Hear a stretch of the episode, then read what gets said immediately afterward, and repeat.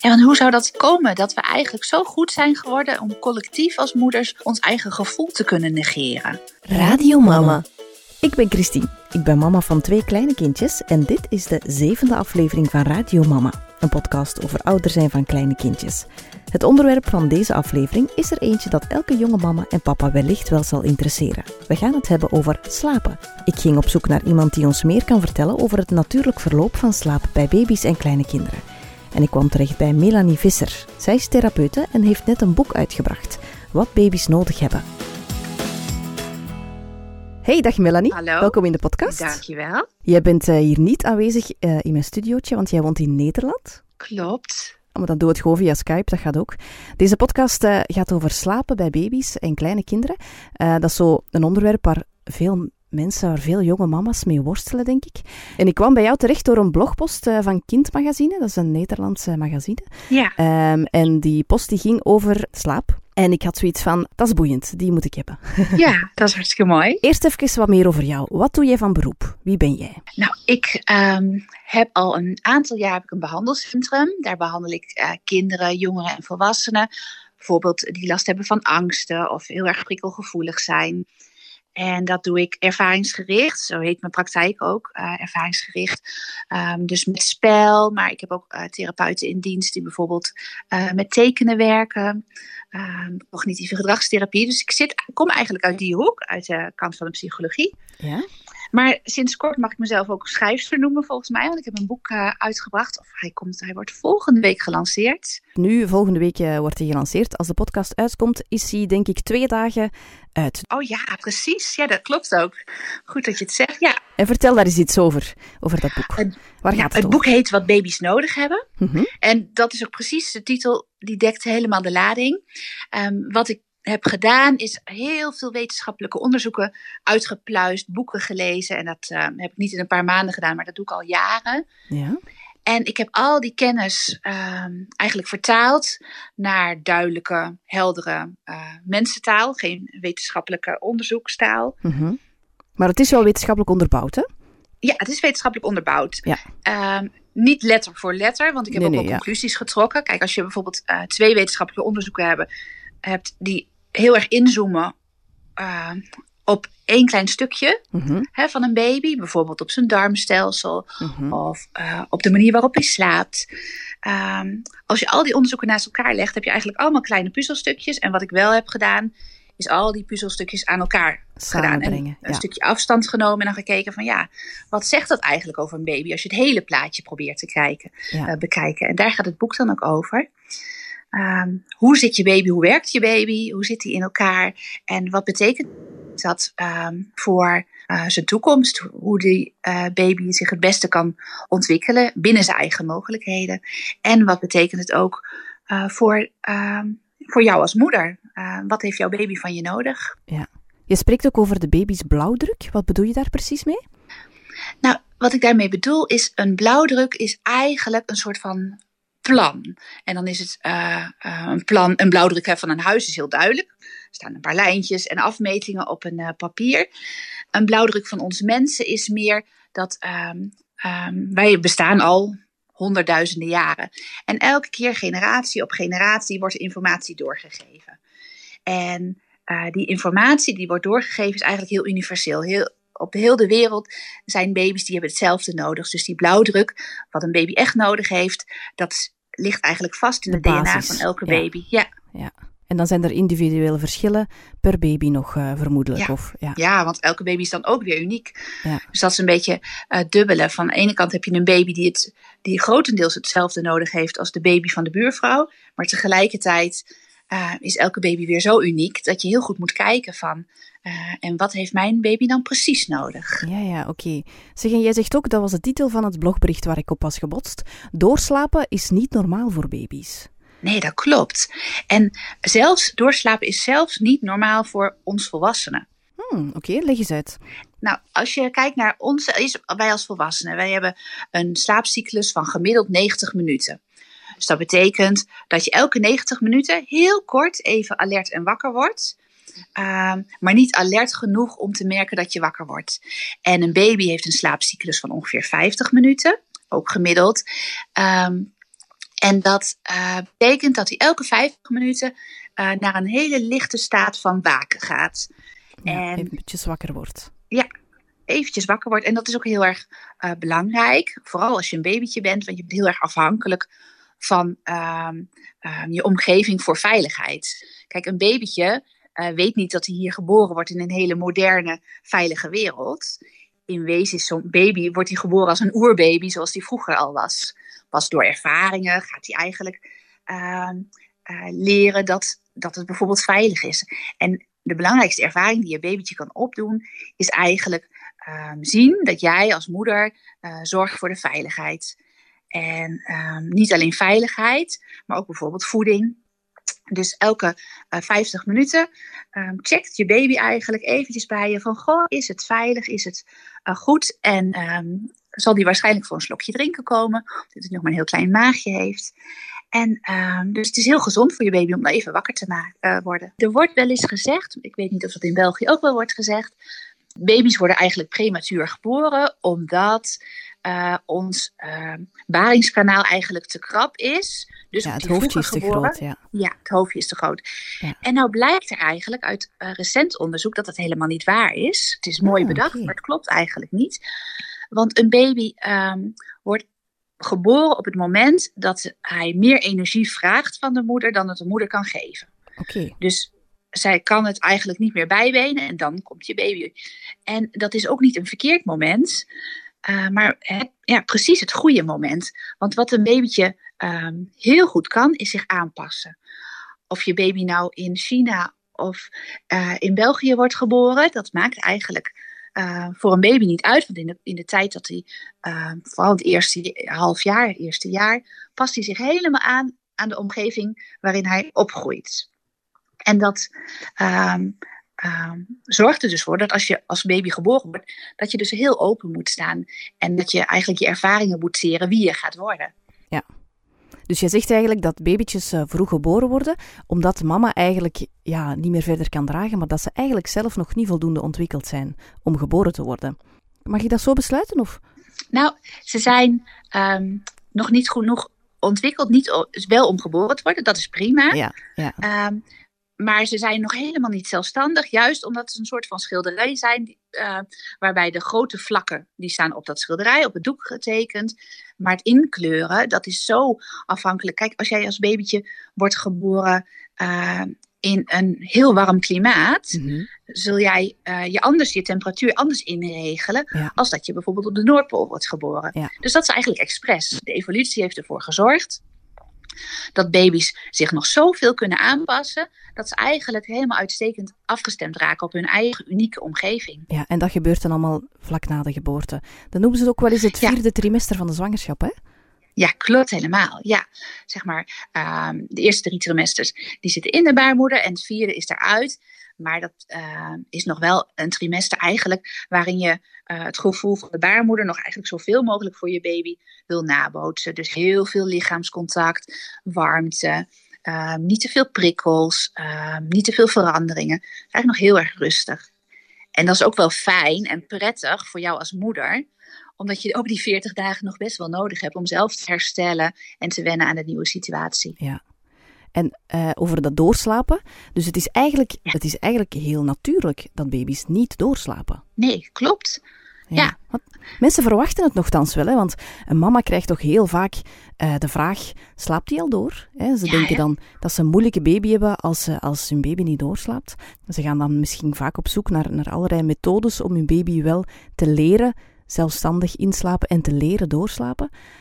Uh, maar ik, ja, ik vind dat zo wel een beetje een gek idee, want dat we baby's zouden moeten leren slapen, want slapen is toch iets heel natuurlijk, hè, toch? Ja, dat klopt. Ja, en uh, ik denk, het wordt zo vaak herhaald dat baby's moeten kunnen leren doorslapen, dat je dat dan bijna gaat geloven. En ik denk dat vooral als je voor de eerste keer moeder wordt en dat hoort, dan denk je, oké, okay, dan zal het wel zo zijn. En als je baby dan niet doorslaapt, dan denk je niet van goh, het is normaal. Maar oh, het is een probleem. En wat doen we bij problemen? Dat proberen we op te lossen. Ja, en een van die methodes bijvoorbeeld is het gecontroleerd laten huilen. Ja. Um, dat is heel, uh, ja, daar is heel veel discussie over. Hoe denk jij daarover? Nou, ja, ik heb daar wel een hele duidelijke mening over. En gelukkig is mijn mening ook wel uh, gebaseerd op, op wetenschappelijk onderzoek. want wat ik net al zei, hè, je baby staat nog helemaal open om eigenlijk op, als het ware een soort van ingeregeld te worden. Mhm. En um, dat doe je ook uh, met je baby laten huilen. Dan um, leer je het zenuwstelsel van je baby eigenlijk, um, jij hoeft geen hulp te verwachten. Dus het werkt wel, het laten huilen, want je baby huilt op, huilt op een gegeven moment steeds minder. Maar dat is niet omdat je baby dan uh, denkt van, goh, nou kan ik het wel alleen en ik ga zelfstandig rustig slapen. Maar je baby denkt, nou, het heeft eigenlijk geen zin meer om te huilen, want hulp komt er toch niet. Het heeft hele grote gevolgen voor de rest van zijn leven. Want dat betekent dat het, die balans, dat balanspunt van verwachte hulp te krijgen, uh, het zelfstandig moeten uh, oplossen, um, dat dat dus eigenlijk in de rest van het leven problemen kan geven. En eigenlijk het tegenovergestelde bereikt van wat moeders of die ouders dan op dat moment willen. Want op lange termijn krijg je juist geen zelfstandige kinderen en volwassenen, maar volwassenen um, die het een beetje hebben opgegeven uh, om hulp te vragen, die denken, ja, ik hoef mezelf niet te laten horen, want er wordt toch niet naar me geluisterd. Vooral die eerste negen maanden zijn heel erg belangrijk, maar tot het vierde jaar kan er nog heel veel uh, gebeuren in die hechting. Dus je gaat in die belangrijkste periode, dat je eigenlijk de rest van je leven of op verder gaat, hè, hoe je hecht, hoe veilig je je hecht aan een ander. Daar geef je dus al de boodschap van het is niet veilig of uh, uh, je moet het alleen oplossen. Ja, en er komt niemand als je, als je iets nodig hebt. Ja. Dat is ook wel mijn mening. En dat, ik, voel, ik, denk, ik denk dat ook heel veel mama's dat van nature uit wel voelen. Van ik wil mijn baby niet laten huilen. Maar dat ze heel veel um, ja, van, toch van die adviezen uit de omgeving krijgen. Waardoor dat veel mensen het toch doen. En dan ja, als ze misschien resultaten uh, zien omdat het babytje effectief uh, meer gaat slapen. Of misschien liggen ze dan de babytjes alsnog wel wakker, maar huilen ze gewoon niet. Hè? Want als je zegt ze worden sowieso wakker. Ja, precies. Um, dat veel mensen er eigenlijk een beetje in gepusht worden om het te doen. Ja, en um, je wil je als moeder ook gewoon, uh, je wilt heel graag goed doen voor je kindje. En als er belangrijke experts om je heen en ook mensen die je vertrouwt, bijvoorbeeld je eigen moeder of andere belangrijke mensen in je omgeving, dan zeggen van zo hoort het, dan, uh, dan wil je dat graag geloven. En waar, ja, we hebben toch geleerd van we, vertrouwen op onze experts. Maar misschien is het nog wel belangrijker dus dat je moet vertrouwen op je eigen gevoel.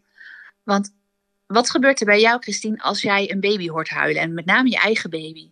Ik uh, reageer meteen. Ik, ik voel meteen in mijn lichaam van, uh, ja, hier moet ik op reageren. En, en als dat bijvoorbeeld niet kan, want daar straks was ik nog bezig, volop bezig met het voorbereiden van, uh, van mijn vragen voor deze podcast. is nog maar net gebeurd. En mijn oudste, die was dan wel al twee jaar, hè, maar die was ook zo wat vervelend omdat hij heel moe was.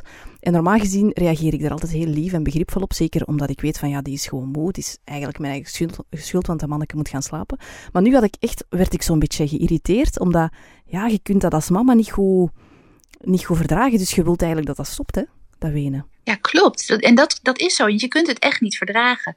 En je ziet ook, als een baby stress heeft, dan heb je als moeder ook stress. En dat is niet omdat je eerst gaat denken van, goh, wat is er met mijn baby aan de hand? Het is heel primair. Jouw zenuwstelsel is zo afgestemd op dat van je uh, kleintje, dat uh, dezelfde hormonen uh, die bij je, uh, bij je baby, uh, bijvoorbeeld stresshormonen zoals cortisol, ehm, door zijn lijfje stromen.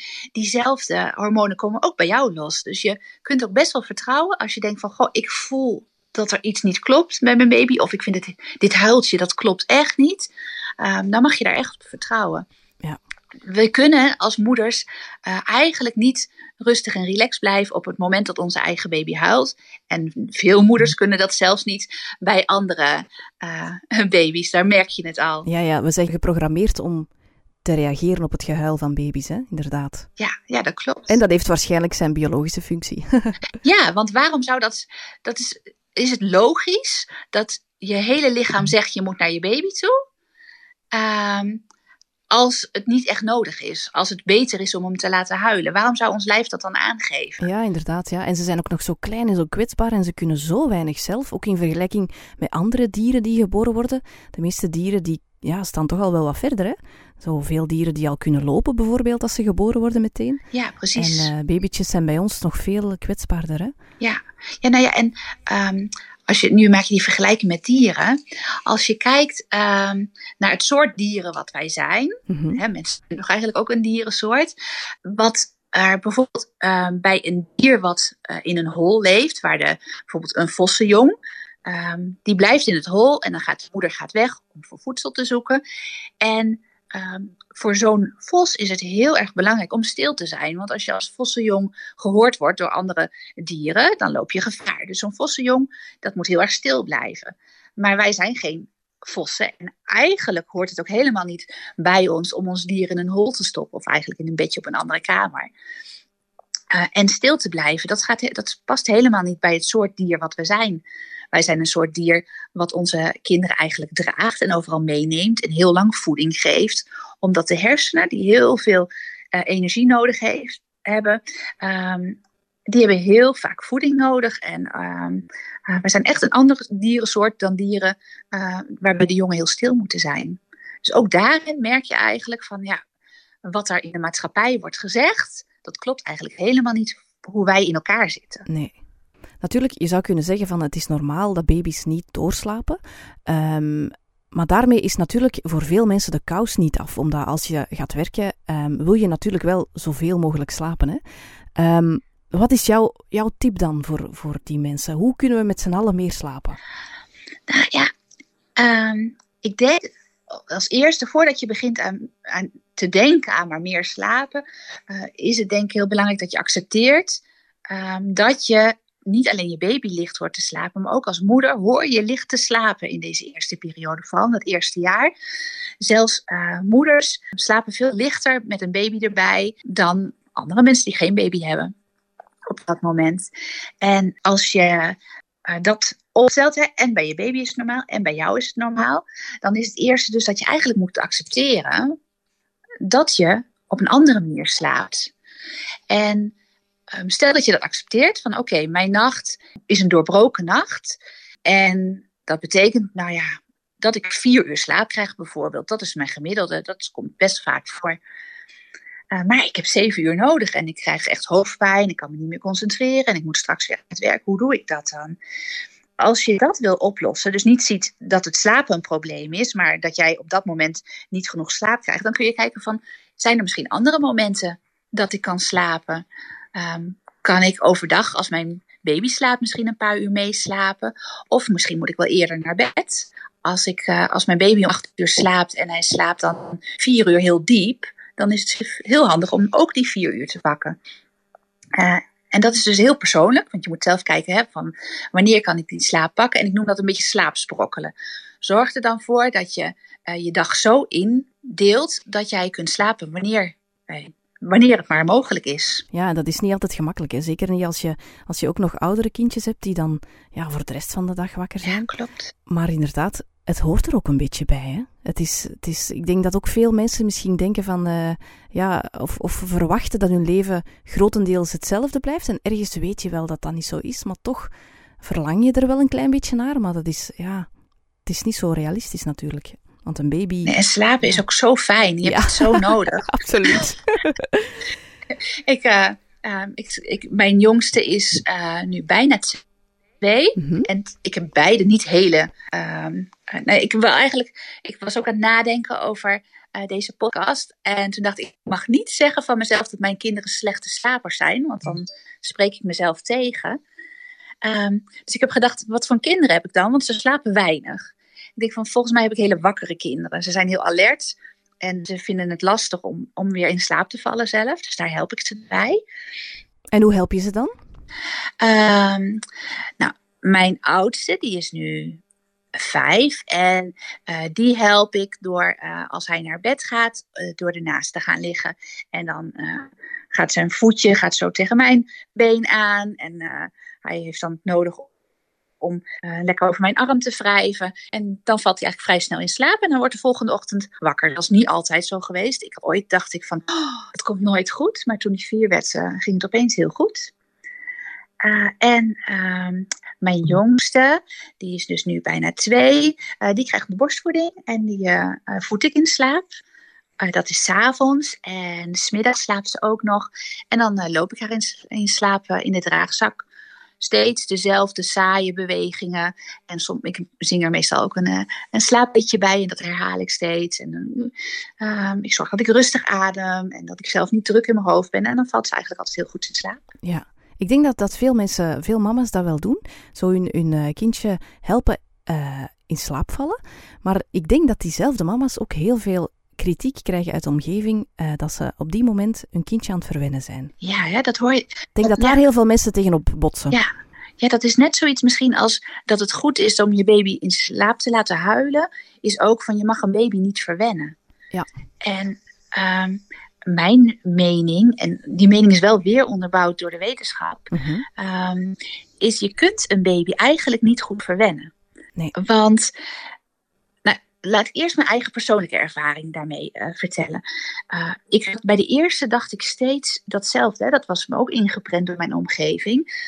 Um, je draagt hem te veel en je bent altijd bij hem. En zo leert hij nooit om zelf in slaap te vallen. Of hij zal altijd uh, aan jou kleven en niet los van je kunnen raken. En ik werd er wel onzeker van, maar toch ook niet. Want diep van binnen voelde ik van ja, ik kan hem daar gewoon op vertrouwen. Ik heb echt het vertrouwen dat als ik hem geef wat hij nodig heeft, dan ontwikkelt hij zich op zijn eigen tempo. En dat is elke keer is dat uitgekomen. Mensen zeiden tegen me, nou je moet toch wel een keer gaan stoppen met de borstvoeding. En ik had zoiets van, nou volgens mij gaat hij het zelf wel aangeven. En toen was hij twee jaar en drie maanden. En toen had hij genoeg gehad en ook verder nooit uh, uh, meer nodig had. En hij ging vanaf dat moment ook rustiger slapen. En dat was echt, ja, ik volgde hem gewoon in zijn ontwikkeling. En die ontwikkeling, ja, daar kan ik niet zoveel aan sturen. Behalve uh, de goede omstandigheden geven, zodat hij zich lekker kan ontwikkelen. En ook bij. Uh, uh, hij vond het in het begin heel erg spannend om, om uh, in de belangstelling te staan. En bijvoorbeeld op school vond hij het heel spannend, al die kindjes om hem heen. En ik heb hem daarin gewoon gevolgd, gewoon erbij. En uh, pas weg als hij het veilig vond. En dan kon hij op een gegeven moment ook zelf zeggen: Nou, mama, je mag weg, het is nu goed. Ja. En nu ja, ben ik al blij als hij even nog aandacht heeft dat, dat ik kan zwaaien. Want hij gaat gewoon zijn eigen gang. En toen werd ik eigenlijk op het spoor gezet. Dus nog niet eens door de boeken of door wetenschap, maar door mijn eigen kind. Die heeft mij geleerd van, nou, elk kind um, geeft wel op zijn eigen manier aan wat hij nodig heeft. En op het moment dat het goed is, hoeft hij ook niet af te kicken of um, op een harde manier van een gewoonte af, uh, uh, dat, dat hij iets moet afleren. Op het moment dat een kind ergens aan toe is, dan houdt die gewoonte of die gewenning houdt vanzelf op. Dan komen er nieuwe dingen voor in de plaats. En dat geldt denk ik ook uh, voor bijvoorbeeld in of in slaap lopen. Er komt een moment dat jouw kindje dat niet meer nodig heeft. Ja, ik denk dan ook altijd op zijn 16 zal hij, zal hij wel niet meer bij ons willen slapen bijvoorbeeld. Hè? Nee. nee, dat denk ik ook. Ja, je, je kindje geeft dat gewoon lekker zelf aan en dan uh, voelt hij een andere behoefte en dan gaat hij de andere behoefte volgen. En ik hoor dat eigenlijk overal om me. Ik heb nog nooit. Heb jij wel eens gehoord van pubers die met z'n allen nog, ja, misschien nog voor de gezelligheid even, maar jou nodig hebben om in slaap te vallen? Of, uh... Nee, nee, inderdaad. Misschien dat ze, dat ze het zelf inderdaad nog fijn vinden, maar dat lijkt mij eerder iets positiefs. Ik Ja, denk niet dat er pubers zijn die het echt nog nodig hebben, Nee. mama bij zich eh, om in slaap te vallen. Dat lijkt mij redelijk. eh, Ja, ja, ze hebben vaak dan hun moeder nodig om wakker te kunnen worden om Ja, uur 's middags of zo. ja, inderdaad. Nee, ja, dat denk ik dan ook altijd inderdaad. Maar het wordt wel gezegd tegen mama's, hè, van ja, daar geraken ze dan nooit meer vanaf. Als je daarmee gaat beginnen, dan, eh dan zijn ze vertrokken. Zodat, hè. ja, precies. Dat horen mensen vaak. Ja. ik, ik, ja, ik werk ook best wel. Ik, heb, hè, ik vertelde, ik heb dat behandelcentrum, maar inmiddels werk ik ook veel met uh, moeders met baby's. En uh, ja, ook door het boek. En uh, ja, zit er helemaal in. Ik heb het nog nooit gehoord dat een baby er niet vanaf kwam. Uh, wel is bijvoorbeeld een, been, een baby een speen heeft. Uh, bij jullie heet het anders volgens mij, hè? Een tutje, ja. Een tutje, ja. ik wou zeggen, volgens mij is het anders. Um, maar dat, als ik dan doorvraag, zijn dat vaak de baby's die bijvoorbeeld uh, op hele jonge leeftijd bijvoorbeeld getraind werden om zelfstandig te slapen. En die hebben dan iets nodig, iets anders dan mama. En dat kan ook een knuffel zijn of dus een tutje. Om te helpen om rustig te worden. Maar bij de moeders die veel samen slapen en dragen, ehm, heb ik nog nooit gehoord dat dat dan heel erg moeilijk ging. Om de tutjes af te leren? Nee, nee dat ging ook oké. vanzelf. Ja. Ja. Omdat zij dan natuurlijk ja, uw mama in de buurt hebben voor die troost Ja, dat ze precies. anders in een tutje zoeken. Of het helemaal niet nodig hebben. Mijn dochter, eh, die huilde in het begin wel heel veel. En toen dacht ik, oh, neem alsjeblieft zo'n plastic ding. Maar ze wou het niet, ze wou alleen maar mijn, mijn borst hebben. En eh, eh, ja, ja, snap ik ook wel. Als je als baby mag kiezen tussen iets plastics en kouds en niet levens. Of je Of moeder een warme die... borst, ja. Ja, precies. Je spreekt ook over, eh, over samenslapen, daar wou ik het ook zeker over hebben. Ehm, Ja. Het is iets dat in een, een heel groot deel van de wereldbevolking gedaan wordt. Hè? Dus ouders die samenslapen met hun kinderen. Ehm, maar bij ons is het echt een norm om baby's zo snel mogelijk in een eigen kamertje te leggen. En ze zo snel mogelijk eigenlijk te leren om door te slapen. Hè. Zelfs als vrouw, vrouwen die zwanger zijn, zijn heel vaak al de babykamer in orde aan het maken en aan het schilderen. Ja. En dus eigenlijk beslissen zij al nog voor het kind geboren is van mijn baby slaapt alleen.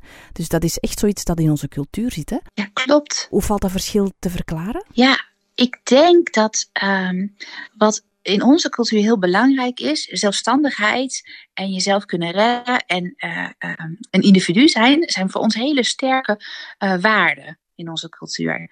En ehm, toen waren er volgens mij in de jaren 50 van de vorige eeuw, echt al heel erg lang geleden, waren er een groep ehm, eh, doktoren van rond de 50 ehm, die bedachten. Ehm, het is goed voor baby's om zelfstandig te worden. En die bedachten, die gaan dus op hun eigen kamertje liggen. Dat waren eh, doktoren die eigenlijk zelf niet zoveel met baby's hadden. Ze werkten eigenlijk niet zelf met baby's. Ze bedachten dat. ehm, Objectief Ehm, gezien, ja. ja, precies. Ze dachten, nou, als je zelfstandige baby's wil, dan gaan we dat op die manier doen. Ja. En dat is zich gaan verspreiden en, en iedereen is dat gaan geloven. En hoewel er echt heel veel onderzoeken, wetenschappelijke onderzoeken zijn die dat tegenspreken, elke keer maar weer opnieuw, ehm, blijft dat maar de kop opsteken. En dat is heel vreemd eigenlijk. Het is alsof ehm, we weten dat de aarde rond is. Ehm, dat weten we echt. En toch blijven er, blijft een grote groep geloven van nee, hij is plat. Ja, hoe, hoe, hoe kan dat? Ik weet het niet. In andere culturen is dat heel erg normaal. Ik denk dat het misschien ook wel te maken heeft met eh, de luxe van het Westen. Dat wij ons ook allemaal kunnen permitteren om een aparte babykamer te hebben, bijvoorbeeld. En dat ze in andere culturen ja, veel minder ruimte hebben en dat ze daardoor ook verplicht zijn om samen te slapen. Maar ik geloof ook wel echt dat het, ja, dat het gewoon veel natuurlijker is om, om samen te slapen. Maar het wordt ons eigenlijk wel echt in de omgeving ja, niet. Ja, je krijgt niet het gevoel dat dat natuurlijk is. Nee, nee. Ehm, ik heb dat ook pas ontdekt, eh, nog maar net ontdekt eigenlijk. En ik, ja, ik heb ondertussen al twee kindjes en ik vind het eigenlijk jammer dat ik het op voorhand niet al had gevoeld zoals ik het nu voel. Eh, want ik, ik weet nog toen, ehm, toen ik was bevallen, en zowel van mijn eerste als mijn tweede kindje, dat er eh, een nacht was dat eh, mijn kindje, ik zal het dan de tweede keer vertellen, eh, echt heel de nacht aan het huilen was. En dat ik heel vaak op het belletje moest duwen om de vroedvrouw, hè, in het ziekenhuis is dat bij ons, Mhm. eh, te, te laten komen helpen. En dat op een gegeven moment een vroedvrouw tegen mij zei, ja, waarom neemt je ze niet even bij u in bed? En ik weet dat ik toen zoiets had van, oei, is dat niet gevaarlijk? Omdat ik gewoon echt dat dacht. Ik was daar echt van overtuigd. Ik, ik, ik dacht, dat is gevaarlijk en dat, dat mag je gewoon echt niet doen. En omdat ik, ik voelde nog niet van, van Ja. wat ik nu wel voel, van dat is gewoon natuurlijk en dat is oké. En ik heb dat dan wel gedaan. Ehm, ze heeft mij uitgelegd hoe ik dat veilig kon doen. En effectief, ze heeft wel geslapen daarna. En ik ook. en, en dan ben ik, ben ik ook gebotst na mijn bevalling op, eh, op een boek dat over attachment parenting ging. En daar ging het ook over samenslapen en, en, eh, en dragen en zo. En toen ben ik dat allemaal beginnen ontdekken. En had ik echt zoiets van, ja, het, het is zo natuurlijk. Maar ja, als je, als je het zegt tegen, tegen mensen in de omgeving, reageert toch echt wel 90% van, ah, echt? Tja. En dat vind ik jammer wel ja. dat het zo wordt, ehm, ja, dat het niet, zo, niet echt in onze cultuur zit. Nee. Ja, want hoe zou dat komen? Dat we eigenlijk zo goed zijn geworden om collectief als moeders ons eigen gevoel te kunnen negeren. Want ik ken geen moeder die eh, tegen mij zegt van... Oh, ik vind het prettig om een baby te laten huilen. Of eh, ehm, Nee, nee. ik vind het... eh, ik, meestal zeg ik vind het heel moeilijk om, om bij mijn baby vandaan te zijn. En hoe kunnen we dat dan zo met ons hoofd te negeren omdat we iets anders mee hebben gekregen. Ik vind dat wel heel wonderlijk. Ja, ik denk dat, dat we allemaal heel onzeker zijn als mama. En dat we heel veel belang hechten aan wat andere mensen denken. En ja, je doet ook maar wat. Hè. Je weet ook niet altijd goed hoe het moet, hè, mama zijn. Het is, je wordt er ineens ingegooid. Dat is ook zo. En dan ja, neem je heel veel aan van, van wat, uh, wat andere mensen zeggen. Hè. Ja. Uh, maar ik vind het wel heel boeiend en ik vind het wel fijn om zo mee een beetje dat te kunnen verspreiden. Van kijk, als je uh, ik heb ook heel veel respect voor mensen die dat niet doen, want er zijn ook heel veel mensen die zeggen van ja, kijk, ik doe gewoon zelf geen oog dicht. Dus voor mij is het veel fijner om mijn kind in een andere kamer te laten slapen. Ik heb daar ook heel veel begrip en heel veel respect voor. Ja. Maar ik, ik denk dat het voor de mensen die wel het gevoel hebben van oh, ik zou dat eigenlijk wel fijn vinden, maar ik doe het niet omdat ik denk dat het niet goed is. Ja, precies. Ja, dat zij worden gesterkt in, in uh, toe gewoon wat je denkt dat goed voelt. En wat ik nu opeens zo denk, terwijl ik zo hierover met je praat, is. Um, heel veel moeders weten dus ook niet dat het zo hoort dat je zelf lichter slaapt als je net een baby hebt. Dus dan denk je misschien wel ten onrechte van, goh, ik slaap slechter uh, omdat mijn baby bij me ligt. Maar misschien is het ook wel zo dat het gewoon, uh, uh, dat je moet wennen aan iets wat gewoon nieuw is, maar wel gewoon hoort, wat ook natuurlijk is. Ja, ik heb uh, ook een heel interessante podcast uh, gehoord. Met, uh, het was een Amerikaanse podcast met James McKenna. Dat is een, uh, een onderzoeker uit Amerika die heel grootschalige onderzoeken heeft gedaan over slapen van baby's. En ja, die heeft ja. ontdekt dat ehm, de kans op wiegedood bijvoorbeeld zelfs kleiner is als je op een veilige manier met een baby samenslaapt. Ik denk dat dat iets is wat heel veel mensen niet beseffen of niet weten dat ze eigenlijk denken dat het net omgekeerd is. Ja. Ja, en dat, dat is ook heel hardnekkig. En ik heb hetzelfde uh, boek heb ik ook uh, gelezen.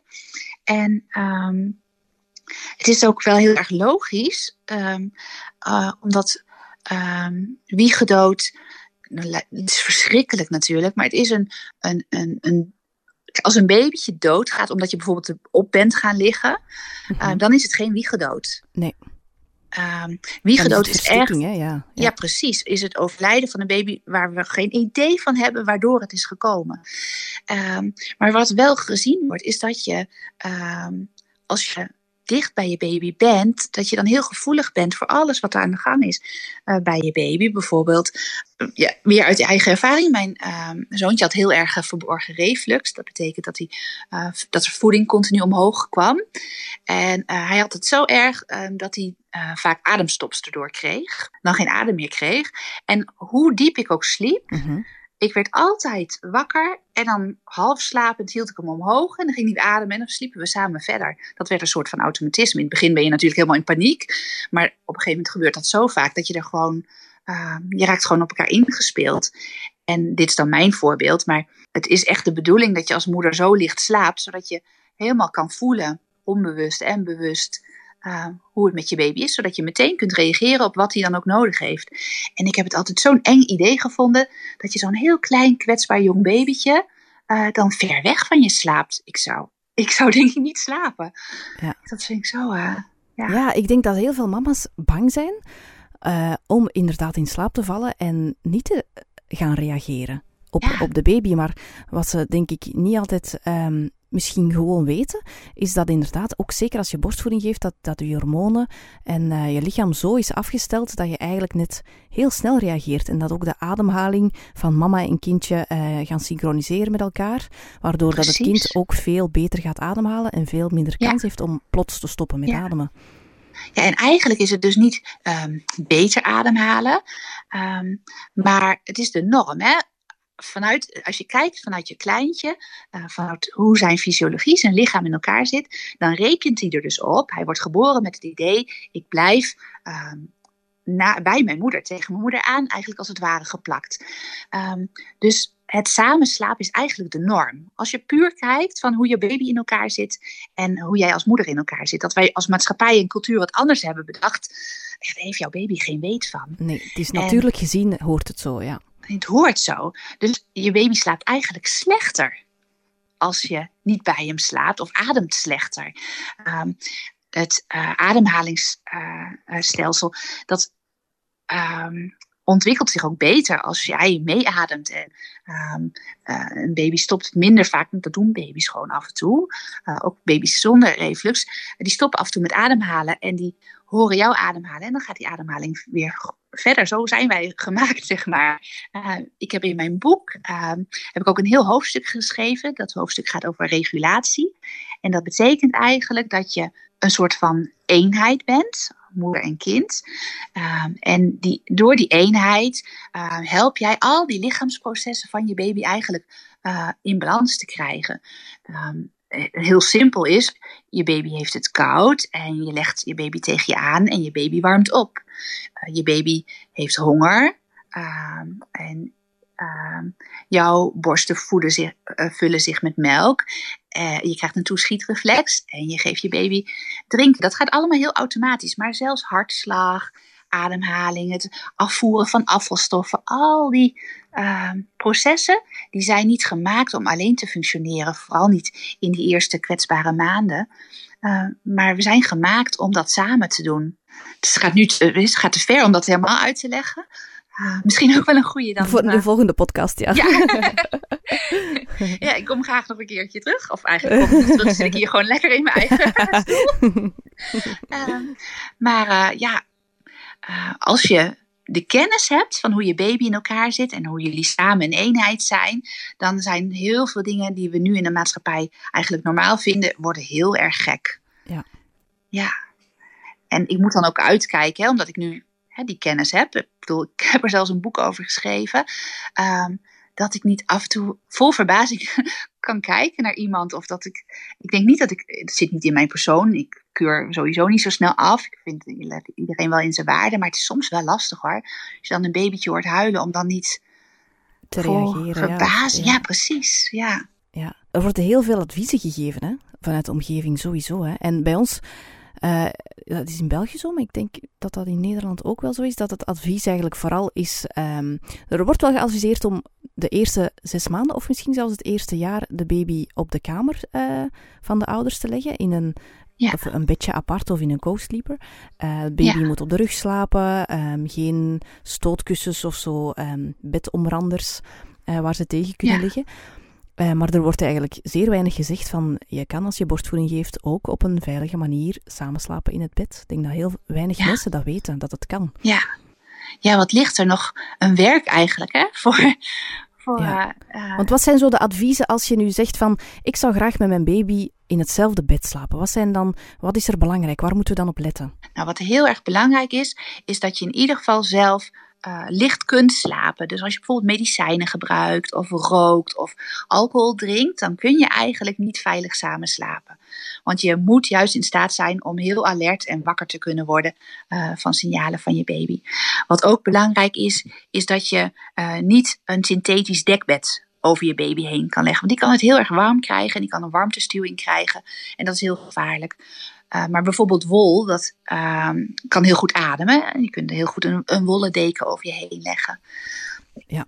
Um, in plaats van een echt dekbed, uh, ja, ja, ja. Dikke, dikke dekbedden, ja. Ja, um, het is ook heel erg belangrijk dat er bijvoorbeeld geen kieren of spleten in je bed zitten. Um, dat je baby daarin kan uh, uh, terecht kan komen. Want uh, wat gevaarlijk is voor een baby, maar dat geldt zeker ook voor alleen in een bedje liggen. en dat is eigenlijk een advies voor waar je baby ook slaapt. Als je baby bijvoorbeeld met zijn neusje, want die kan niet zo makkelijk rollen of wegdrijven als hij heel klein is. Als hij dan in een hele kleine ruimte gaat ademen, dan gaat hij eigenlijk steeds zijn eigen adem inademen. En um, daar kan een baby van stikken. Uh, ja. Rebreathing heet dat. Um, en dan ademt hij dus steeds zijn eigen lucht in, waardoor hij te weinig zuurstof krijgt en dan daardoor kan stikken. Maar dat geldt dus eigenlijk voor alle situaties. En dus wil je bijvoorbeeld die stootkussens niet hebben of een kier in het bed. Je wil ook niet dat je baby kunt vallen. Nou, dat geldt eigenlijk ook voor alle bedden, hè, van waar je Tuurlijk, baby op ja. slaapt. Ja. Uh, dus um, het moet veilig zijn. Um, en is dat het zijn ook zo even. Is het ook zo dat, het, dat, je, uh, dat, dat het alleen kan als je borstvoeding geeft? Als je flesvoeding geeft, dat ze beter verhuizen naar een, een co-sleeper? Ik dacht het wel. Hè? Ja, dat wordt, dat wordt wel gezegd inderdaad. Omdat uh, borstvoeding zorgt ervoor dat je eigenlijk zo goed afgestemd bent op je kleintje dat je er uh, uh, van wakker wordt. Ja, heeft met hormonen te maken en zo, hè? Ja, ja precies. Um, en um, ik denk dat er weinig ook onderzoek is. Ik heb, ben zelf niet tegengekomen um, van kunstvoeding uh, en samen slapen. Dat er misschien inderdaad gewoon te weinig onderzoeken over bestaan en dat het daardoor algemeen nog niet als veilig wordt gezien. Ik, ben, uh, ik heb de eerste maanden um, dat ik borstvoeding heb gegeven met mijn tweede kindje dan. Met mijn eerste wist ik het nog niet en heb ik het uh, niet gedaan. Um, maar bij de tweede dus, die heeft bij mij in bed heel vaak geslapen. In de maternale houding heet dat dan. Ja. Um, dat je echt op je zij ligt en dan met je elleboog uh, omhoog en het kindje eronder eigenlijk aan de borst. Ja. en maar vanaf dat zij is overgeschakeld naar flesvoeding, heb ik haar in de co-sleeper gelegd. Omdat je dan ook blijkbaar dieper slaapt als mama. En misschien de baby zelf ook. Um, waardoor het dan toch wel ietsje veiliger wordt. Maar dan liggen ze natuurlijk nog altijd heel dichtbij. Hè? Ja, en um, zeg maar, die afstemming gaat niet alleen uh, via borstvoeding. Het is natuurlijk wel een onderdeel daarvan. Mm um, maar eigenlijk alle zintuigen gebruikt jouw baby en gebruik jij om met elkaar in contact te zijn. Uh, dus elkaar ruiken, voelen, horen. Uh, in de nacht is natuurlijk wat minder. Uh, je kunt je voorstellen, in een co-sleeper heb je veel meer zintuigelijk contact met je kleintje dan dat wanneer die op een, uh, een, een, bedje apart ligt of nog in een andere kamer met een muur ertussen. Ja. Ik denk dat er dan veel mensen vanaf zes maanden, zo heb ik het gedaan met mijn eerste kindje, of vanaf vier maanden of zes maanden denken van oké, de eerste maanden uh, dicht bij de mama, maar vanaf dan naar een eigen kamer. Slaap jij nog altijd met je kinderen samen of niet meer? Ja, beide kinderen slapen nog bij mij. Uh, we hebben uh, wel onze bed er heel erg op aangepast. We hebben een groot familiebed laten maken. Uh-huh. Dus we hebben een matras van 2 meter 40, 2 meter 50. Uh-huh. En hebben we um, speciaal beddengoed uh, op laten maken, zodat we wel de ruimte hebben. Ja. Ehm, ja, het is van ons allemaal nog steeds de wens om het te doen. En we doen het zodra, zolang de kinderen dat nodig hebben en dat ze ook zelf kunnen aangeven. Um, als ik het nu aan mijn zoontje vraag van vijf, zegt hij dat hij um, de rest van zijn leven bij zijn mama wil slapen. dat zal hij niet blijven en, zeggen, hè? dat denk ik niet. Ik, zeg dan wel eens, oh, en dan krijg je misschien later wel een vrouw en zelf kinderen. En die komen er dan ook gewoon bij, zegt hij. dus, uh, maar ja, dat is toch de leeftijd dat ze ook nog willen trouwen met hun mama, is dat niet ja, zo? Precies. dus, ja, dus uh, uh, ik geniet er maar van. Ik vind het. Uh, mijn zoon is dan op school, is hij druk geweest. En smiddags gaat hij met een vriendje spelen. En dan mis ik hem ook gewoon lijfelijk, mis ik hem. En dan om dan de hele nacht zo lekker bij elkaar te kunnen liggen, dat, oh, ik, ik geniet er echt enorm van in mijn uh, behandelcentrum werk ik heel veel met prikkelgevoeligheid. Mhm. En daar schrijf ik ook over. En wat je um, wel ziet, kinderen die heel gevoelig voor prikkels zijn. De ene kind heeft heel veel behoefte aan heel veel, um, een hele donkere omgeving. Geen felle lichten, geen harde geluiden. Um, maar als een kind eenmaal overprikkeld is, dus stel dat hij um, een hele drukke dag heeft gehad of um, ziek aan het worden is, waardoor, die, waardoor zijn zenuwstelsel eigenlijk die prikkels niet meer zo goed kan verwerken. Mm-hmm. Um, dat je dan juist iemand anders nodig hebt om weer te kunnen ontsprikkelen. Ja, Dus in dat geval, als je een kind hebt dat overprikkeld is, kan het best zijn dat, dat hij in de nacht heel erg onrustig is, maar er toch profijt van heeft. dat jij uh, bij hem ligt. Ja omdat jij, doordat jouw zenuwstelsel veel rustiger is, mm um, zo, dat, die verbinding houdt niet op bij baby's, dat gaat ons hele leven zelfs door. Um, dus dat jij eigenlijk met jouw rust en kalmte ook je kind kunt kalmeren en dat zenuwstelsel. Dus je kunt de ander helpen met het verwerken van prikkels. Misschien um, als jij zelf heel erg verdrietig bent en de tranen die prikken in je keel, maar je gaat niet, nog net niet huilen. En dan komt daar een vriendin bij je en die gaat naast je zitten en die staat alleen maar de arm om je heen. Waarschijnlijk ga je dan huilen. Heb jij dat ook? Ja, absoluut. Ja. ja, en dat is ook een soort van voorbeeld van um, dat jij helpt de ander te reguleren, samen reguleren. Co-regulatie heet dat ook wel. Mm -hmm. um, want wat er gebeurt bij lichamelijk contact is dat er een, een, stofje, een hormoon en ook een neurotransmitter, dat is oxytocine, dat komt ook vrij uh, bij de borstvoeding. Um, door lichamelijk contact komt dat hormoon, komt vrij. Um, en dat werkt in, heeft een tegengestelde werking van een ander hormoon. En uh, dat is cortisol. En dat wordt ook wel het stresshormoon uh, genoemd. Dus um, door bijvoorbeeld aanraken of bij elkaar zijn, helpt die oxytocine je stress verlagen in je lichaam. Daar, hoef je verder niks aan te doen. Het gaat gewoon helemaal automatisch. Dat, uh, zo werkt dat bij ons mensen, omdat we een hele sociale soort zijn. Mm -hmm. um, dus op het moment dat jij je uh, niet prettig voelt en wat nodig hebt van de ander, ja, dan helpt het gewoon om bij elkaar te zijn. En als dat, dat helpt, werkt dus bij volwassenen zo, maar zeker ook bij kinderen, denk ik nog wel sterker. Ja, ga eens eventjes kijken. Dus mijn lijst of er nog iets is. Is er zelf iets waar je nog aan denkt uh, dat je zeker wil vertellen? Ja, eigenlijk wel. Um, maar dus eigenlijk gaat het alweer een stukje terug in ons gesprek. Maar we hadden het even over dat er zoveel verschillende soorten kinderen zijn. Mm -hmm. En ik denk dat als jij uh, naar ons luistert nu en je bent net moeder en het is misschien wel het eerste wat je hoort over dat doorslapen helemaal niet normaal is. Uh, maar dan heb je ook in je hoofd, ja, maar het kindje van mijn vriendin, die sliep al met vier maanden, sliep die door. Uh, ja, vergelijken. En dat soort verhalen hoor je. En die verhalen hoor je omdat inderdaad er zoveel verschillen zijn tussen kinderen.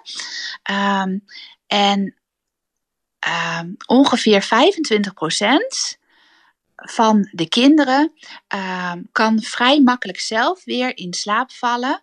Zonder hulp van een ander. Uh, wanneer die even na die 50 minuten even iets wakker is. Dus als ouder merk je dan helemaal niet um, dat je kind even wakker is geweest. En die valt weer rustig in slaap. Dus ongeveer dus 1 op de 4 kinderen, dus dat is voor ons uh, 25% van onze omgeving, vertelt verhalen van kinderen die heel makkelijk doorslapen. Um, en ik denk dat het lijkt of er veel meer zijn. Want ik denk dat als je als moeder eerder zegt in deze maatschappij: Oh, mijn kindje slaapt al door. Dan dat je uh, een soort van, van vierheid, verkondigt ja. van: ja. uh, Mijn kindje van twee heeft nog nooit doorgeslapen. Ja.